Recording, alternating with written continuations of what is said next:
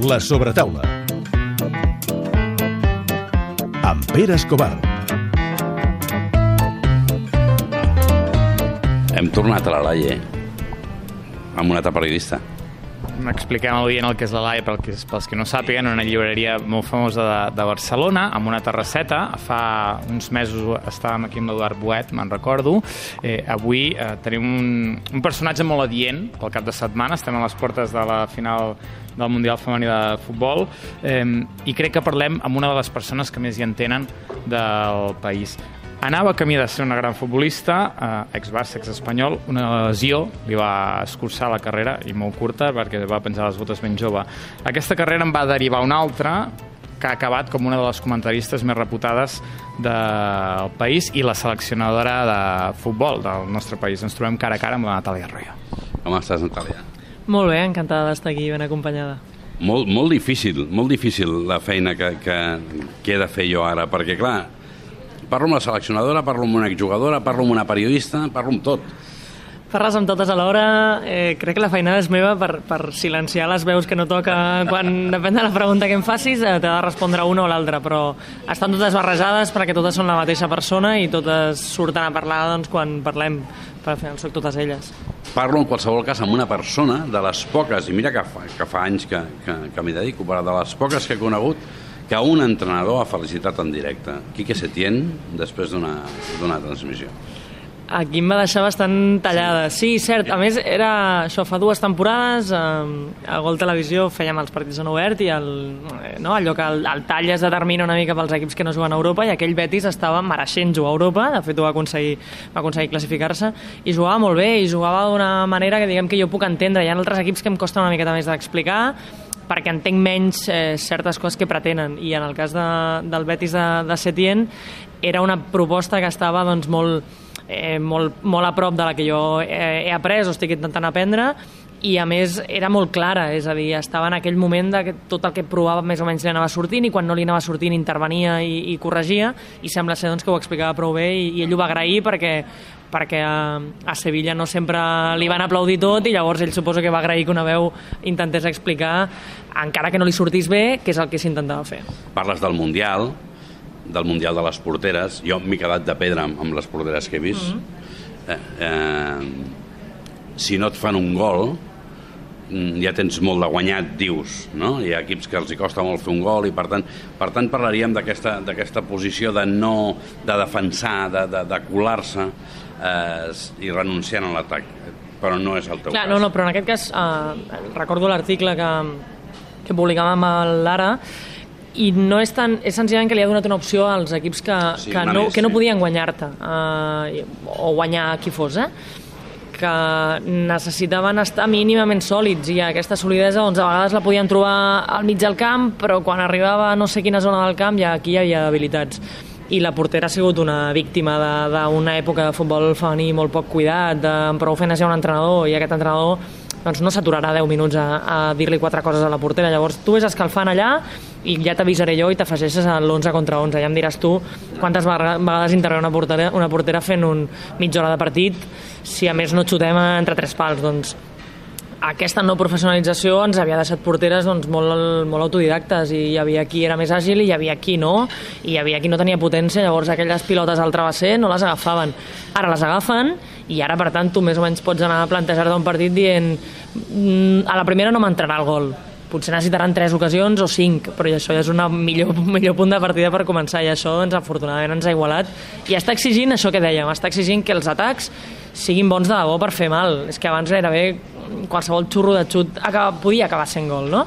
Anant a la versió més radical i això és, un, és una sort que hagi, que hagi canviat Això aquí encara passa una mica, eh? També deixa'm-ho dir-t'ho, perquè una de les coses que vaig patir més jo, eh, patir no, però quan, quan aquesta temporada he començat a fer partits de futbol, mm. no entenia el rol de les porteres. És a dir, veia que, la, que les jugadores havien evolucionat molt amb respecte als partits que jo havia vist anteriorment, havien evolucionat molt, eren, hi havia una, una diferència física, eh, de força en el xut, una sèrie de coses, val? Sí. Però, però que les porteres s'havien quedat. I vaig estar preguntant mm, a, a qui havia jugat, mm. i fins que vam topar amb el Xevi, amb, amb la Vero Boquete, ho recordaràs, i li deia, oye, oye, está muy bien, pero las porteras son un truño, tía. I ella em va dir, clar, no tenim entrenadores de portera. Correcte. Fins a dia d'avui, pràcticament no n'hem tingut. Ara comença a haver-ne alguna. I, I aleshores ho vaig entendre. Per això et deia que aquí, encara aquest pas segurament ens, ens falta una miqueta més. No estic dient que la Sandra Clar, no, sigui no, una no. portera automàtica, però, però, però no és la No, portera però, dels no, Estats però, Units o de... cor- o- no, però sí, és a dir, la, la, la Paños, que si no m'equivoco té 25 anys, Sí, és dir, molt jove, més. Um, ha nascut ja amb entrenador de porteres, pràcticament, o l'ha tingut ja amb 15 anys, no, potser no l'ha tingut als 8, que és quan hem de desitjar que la tinguin si és el, la seva data De fet, ara comenceu a tenir equips als 8 anys, que abans correcte, ni això. correcte. Ah, La, la qüestió és que la Vanina Correa, la portera argentina, que ha aconseguit un parell de partits on està molt a prop de deixar porteria a zero, aquesta portera que té més de 30 anys, que ha sigut mare, que ha tornat ara, Sí. explica, és que ara estic aprenent, és a dir, Ah. i és veritat, tu la veus i sembla, i sembla jove, sembla una juvenil, sí, per la il·lusió sí. que transmet, però perquè ha après a entrenar amb un entrenador de porteres gairebé la trentena. I, i clar, què vols que fes aquesta portera fa un temps, quan a més doncs, tot en general a nivell d'infraestructura era, era pitjor. Jo, aquí m'hi trobaràs. Jo dient això és un trunyo, m'hi trobaràs, perquè soc, ex, o sigui, soc extremadament exigent amb això. No em val, i a més és una cosa que, que protesto bastant, soc bastant protestant amb, amb, amb quan se'ns escapa un un desig de, de, de perdó uh, només perquè som noies i perquè és un partit, no, escolta, si s'ha fet malament i si el partit no té ritme, es diu que no té ritme i no passa res.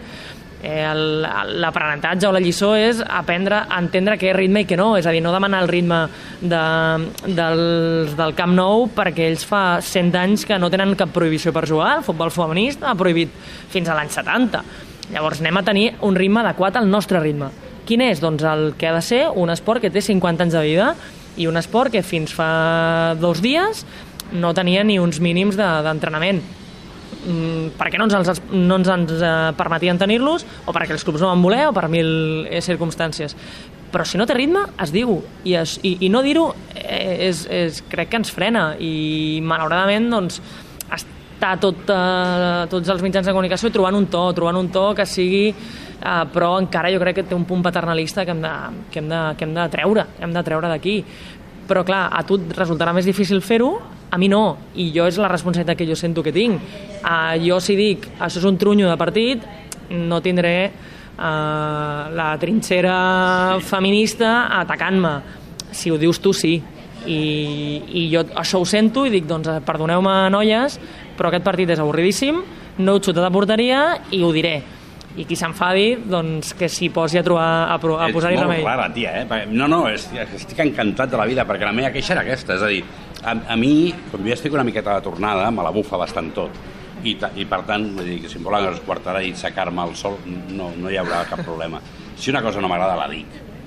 Però sí que noto que has d'anar amb el freno de mà, abans parlàvem del freno de mà posat, amb el vocabulari sobretot, perquè a més a més els que ja tenim una, una, una certa edat, tenim una sèrie de vicis i un vocabulari après que de vegades no s'ajusta i que rasca i que jo ja entenc, eh, però hi ha aquest paternalisme del que tu parlaves, hòstia, és que les nenes no lo poden fer mal.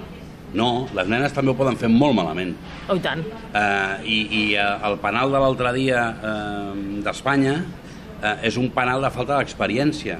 El primer és absurd, però és penal, Sí. i el segon pot ser penal. És molt just, i sap greu que sigui tan just, sí, però és penal. I jo on anava és Però vas un... ser l'única que ho vas dir. És un... Eh, ens N'ets podem... conscient? Mm. Jo sí, jo, perquè jo ho veia com tu i jo pensava, no, aquesta noia, amb tot el carinyo del món, l'ha cagat, li ha, li ha faltat experiència, li ha faltat... Clar, treu una cama, no? La Virgínia treu una cama eh, per, perquè veu passar una jugadora i perquè al final per jugar mínimament a prop o per estar mínimament a prop dels Estats Units doncs inevitablement t'has de posar un nivell que, que al final et fa que, que no sempre la neurona flueixi, no, no, no sempre connecta perquè, perquè és en el límit. I has d'aprendre a jugar al límit i, i són amb prou feines els primers partits que jugues així.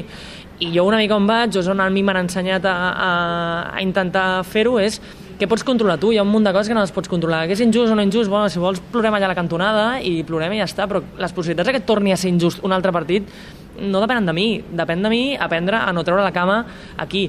Uh, I no sé, jo, tornant a aquesta idea, jo, jo el que sento és que és que ho hem de poder dir i jo intento treballar perquè tothom ho pugui dir i punxo sistemàticament els, els homes periodistes amb, amb els que treballo per dir que està permès i la barricada que li dic jo, la barricada doncs, doncs que cridi si vol, però s'ha de poder dir, és que crec que és l'única manera fem tot això perquè, perquè toca, perquè queda bé, mm. perquè ens pengem la medalla com el, com el mag Andre, Andreu i això, però no hi creiem, no? I, i, i la feina del futbol femení és aprofitar-ho. És a dir, aprofitar aquest papanatisme per sumar, perquè al final és el que toca. Sí, sí, vull dir, és una onada bona. No, no, no, no en sé de surf, eh? però, No, no, però ara em copio, em copio la metàfora, però és això, doncs, doncs anem, anem a surfear-la, vull dir, anem a, anem a fer-ho i, i a partir d'aquí anem a veure cap on ens porta això, però anem a intentar que això que ara eh, té una, no sé quina intenció té, però de moment hi ha uns diners i hi ha una inversió i estem al focus, doncs anem a aprofitar-ho. Ara anem a intentar estar a l'alçada també, i això també és un desafiament que jo li llenço a, a les jugadores i a nosaltres entrenadores, és uh, hem d'estar a l'alçada. Hi ha més mitjans i això passa a tots els estaments. Hi ha més mitjans, més càmeres, vol dir que si no ho fem bé uh, saltarem, perquè la polèmica comença a estallar, perquè això comença a estallar, perquè si hem, hem volgut entrar al circ, el circ té coses bones i té coses dolentes, i hem d'estar preparades per a aquestes coses dolentes que vinguin. Una de les coses que ha passat és que, eh, no sé si per la pressió, no sé si pel que sigui, però el Madrid s'ha vist obligat a, a, a comprar-se un equip. I ho has dit bé, crec que s'ha vist obligat, perquè ja anava insinuant, anava dient eh, que li podia interessar, però crec que, o la informació que jo tenia al respecte és eh, que el projecte que tenia Florentino al cap eh, havia de ser o molt intencionadament guanyador, perquè és com sap fer les coses, no? és aposto i poso molts diners i intento realment convertir un Real Madrid en campió, o assumir que no hi puc entrar, no sé ben bé com entrar-hi i començo des de baix, no? I aquestes eren les dues, els dos camins. Ha optat pel primer perquè s'ha trobat doncs, un dels dos clubs que podia tenir a prop, el Madrid Club de Futbol Femení o en aquest cas el, el Club Deportivo Tacón, l'ha tingut ascendit ja a primera divisió i li ha encaixat. Mm, és el que li tocava, el que passa que fins ara doncs, havia silenciat prou aquesta pressió social que a vegades mobilitza aquestes coses i que està movent el futbol femení també, perquè al final el, el, el desig de- d'empoderar la dona a tots els àmbits doncs, també està, està esquitxant a l'esport. I benvingut Real Madrid si mm, aconseguim que, que vingui bé i vingui amb aquesta sinceritat que dèiem i amb aquest fons de, bé, per la raó que sigui, eh, i han volgut posar-hi el seu segell professional i crec que arriba en un moment en el que realment tots els clubs estan intentant fer això, ser professionals i que hi ha més professional que un club del nivell del Real Madrid. Jo crec que és una gran notícia, allò que deies tu d'aprofitar la onada, no? Mm. Bé, ens l'hem trobada, collonut, suma, i suma, i suma moltíssim. Una cosa que em costa més d'entendre, hi ha molts entrenadors masculins encara en els equips femenins. No sé si és bo o és dolent, no sé si posar-hi el foc o no posar-lo, però em sorprèn que no hi hagi més dones, això sí que és veritat. Ara, aquests dies enrere, em sembla que signava també una nova al Rayo, per tant, si no m'equivoco, n'hi haurà tres aquest any a la Liga. Fa dos, tres anys ja hi havia una, l'any passat dues, ara hi ha tres, vull dir que això va pujant. Jo sóc de les que i aquí, mira, no m'estic contradient i ja em sorprèn, uh, estic sent coherent.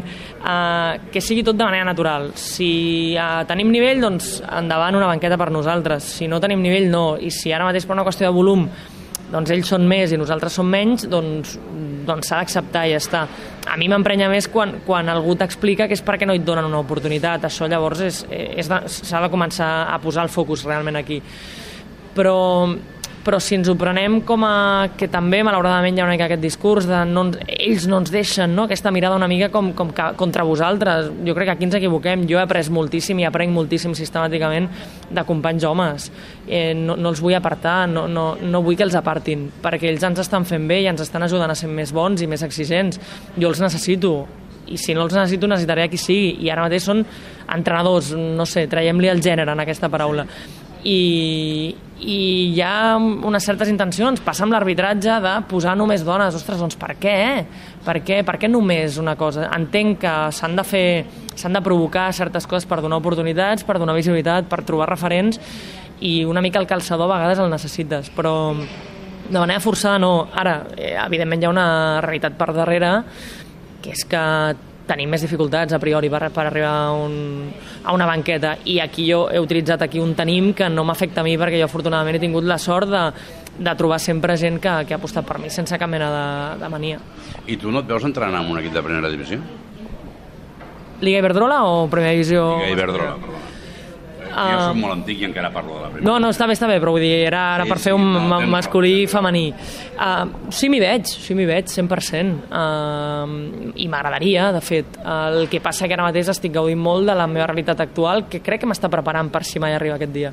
Perquè de manera que jo m'ho prenc és que cada partit que locuto el locuto també com si l'estigués entrenant intento veure que si mai em trobo en una situació similar, mira, doncs no l'he jugat jo directament però recordo que aquella vegada aquell equip va fer això i va fer aquest canvi, crec que la va, la va liar o no, li va venir bé i, i com que aquesta vida coincideix amb, amb, amb la, el privilegi que tinc de, de portar la selecció, on trio les jugadores que s'encaixen amb la meva idea i que tenen un talent espectacular, doncs jo vaig formant-me vaig aprenent, vaig xuclant, vaig eh, veient eh, fins i tot el dia a dia dels equips. Encara que jo no hi sigui dins, ja em vaig imaginant com va aquest dia a dia, que és, per exemple, una experiència que no, que no tinc, però sí, sí m'ho imagino i estic entenent aquests anys com, com uns anys de preparació si mai arriba que, aquesta oportunitat i m'encaixa.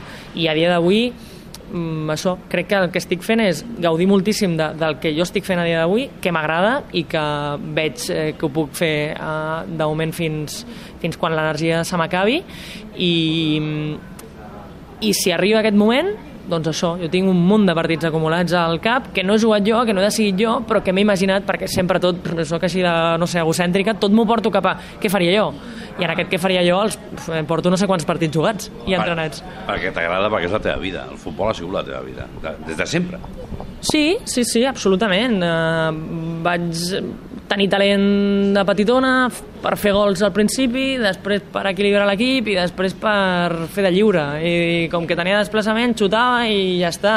I després vaig eh, sobreviure al lateral esquerre sense ser ni esquerrana ni ràpida eh, i ha sigut la meva vida com a jugadora durant molt de temps amb lesions i quiròfans i recuperacions també ha sigut la meva vida i allò m'ha o sigui, servit eh, com a lliçó per moltes coses i, i després eh, ho estàvem dient al principi és cert que jo sempre ho dic, vull dir que clar que tinc una experiència com a jugadora però, però fa molt de temps ja que m'he retirat ja fa més de 10 anys i, i, i en part era perquè va haver un moment que tenia la sort de viure a Barcelona i alhora la desgràcia de viure a Barcelona. El Barça estava renovant-se com a projecte i i jo amb 18-19 anys no encaixava ja per aquell BA que, on estava i l'Espanyol era massa bo per mi.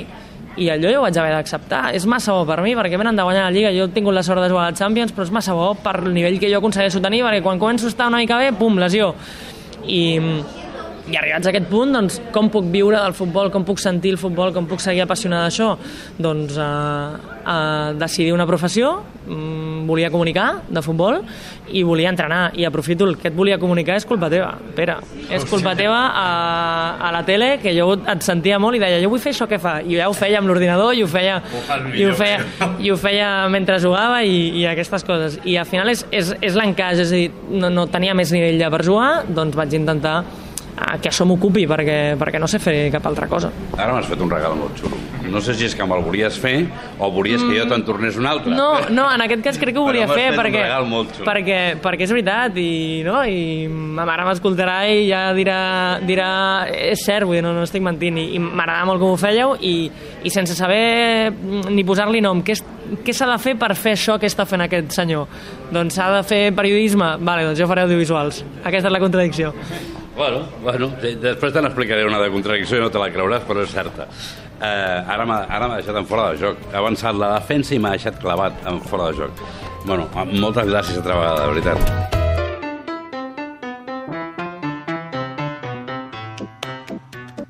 Um, hòstia, estic fotut ara, eh? Mira, quantes vegades m'has vist en blanc amb 140 i pic entrevistes? Eh, mira, mira quina cara fot de tonto. I m'has fet un regal de collons, de veritat. Perdó per l'expressió. Per un cop no faré... Eh, jo, Natàlia, després sempre faig una mica de retallo, maquejo l'entrevista, però el moment en blanc el deixaré. Eh? Perquè veguin, el, veguin els oients com s'ha quedat de... Eh, no em surt en català, traspuesto al Pere Escobar després d'aquesta d'aquesta entrevista. El, el regal ha estat bé, eh? Vull dir, t'ho has currat molt. No, no, no crec que ho poguessis fer, però l'has deixat, l'has deixat ben parat. Contradiccions. Hem estat parlant de contradiccions. La seva contradicció... Mm, Tu, Pere, a què es dedica la Natàlia? Quin és el seu esport? A contradir-se. Futbol, no, estem parlant de futbol, samarreta de I'm a cyclist, eh, soc una ciclista, eh, hi ha més contradicció que això, no pot tenir. Tenim davant una comunicadora brutal, eh, segurament eh, és veritat que el, el rol de periodista ja el tens, no ets només esportista, però si no diríem que és l'esportista més bon comunicador que hem tingut en les 144 sobretaules que, que hem fet. Hem, és molt bona comunicadora, però és molt bona escoltadora, perquè hem estat a la prèvia que hem fet aquí, mm, hem estat pràcticament tres quarts d'hora parlant, i es queda molt amb les coses, m'he fixat que escoltava molt, que aprenia molt, sobretot d'un mite com Pere Escobar, d'un mite, mite seu, eh, i ens costa molt ara, eh, després d'aquesta entrevista, quedar-nos amb la Natàlia entrenadora o la Natàlia comunicadora. Eh, jo crec que ella vol ser la Natàlia entrenadora i que volem... Va lligat, eh? Va lligat, ha dit que va lligat, i té raó. va lligat per, perquè crec que al final entrenar és comunicar el que tu vols a una jugadora també en un moment de... Jo com a mínim em beneficio.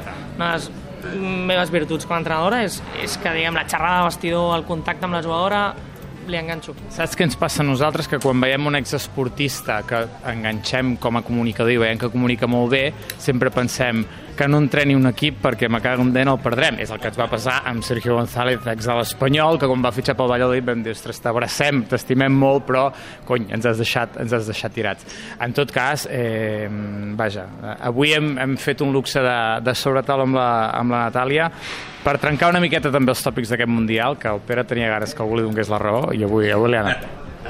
Escolta, eh, ho hem de deixar aquí perquè si no aquest morirà, però... Les tisores seran un petit... Exacte, en qualsevol cas, qualsevol dia anem a fer una paella.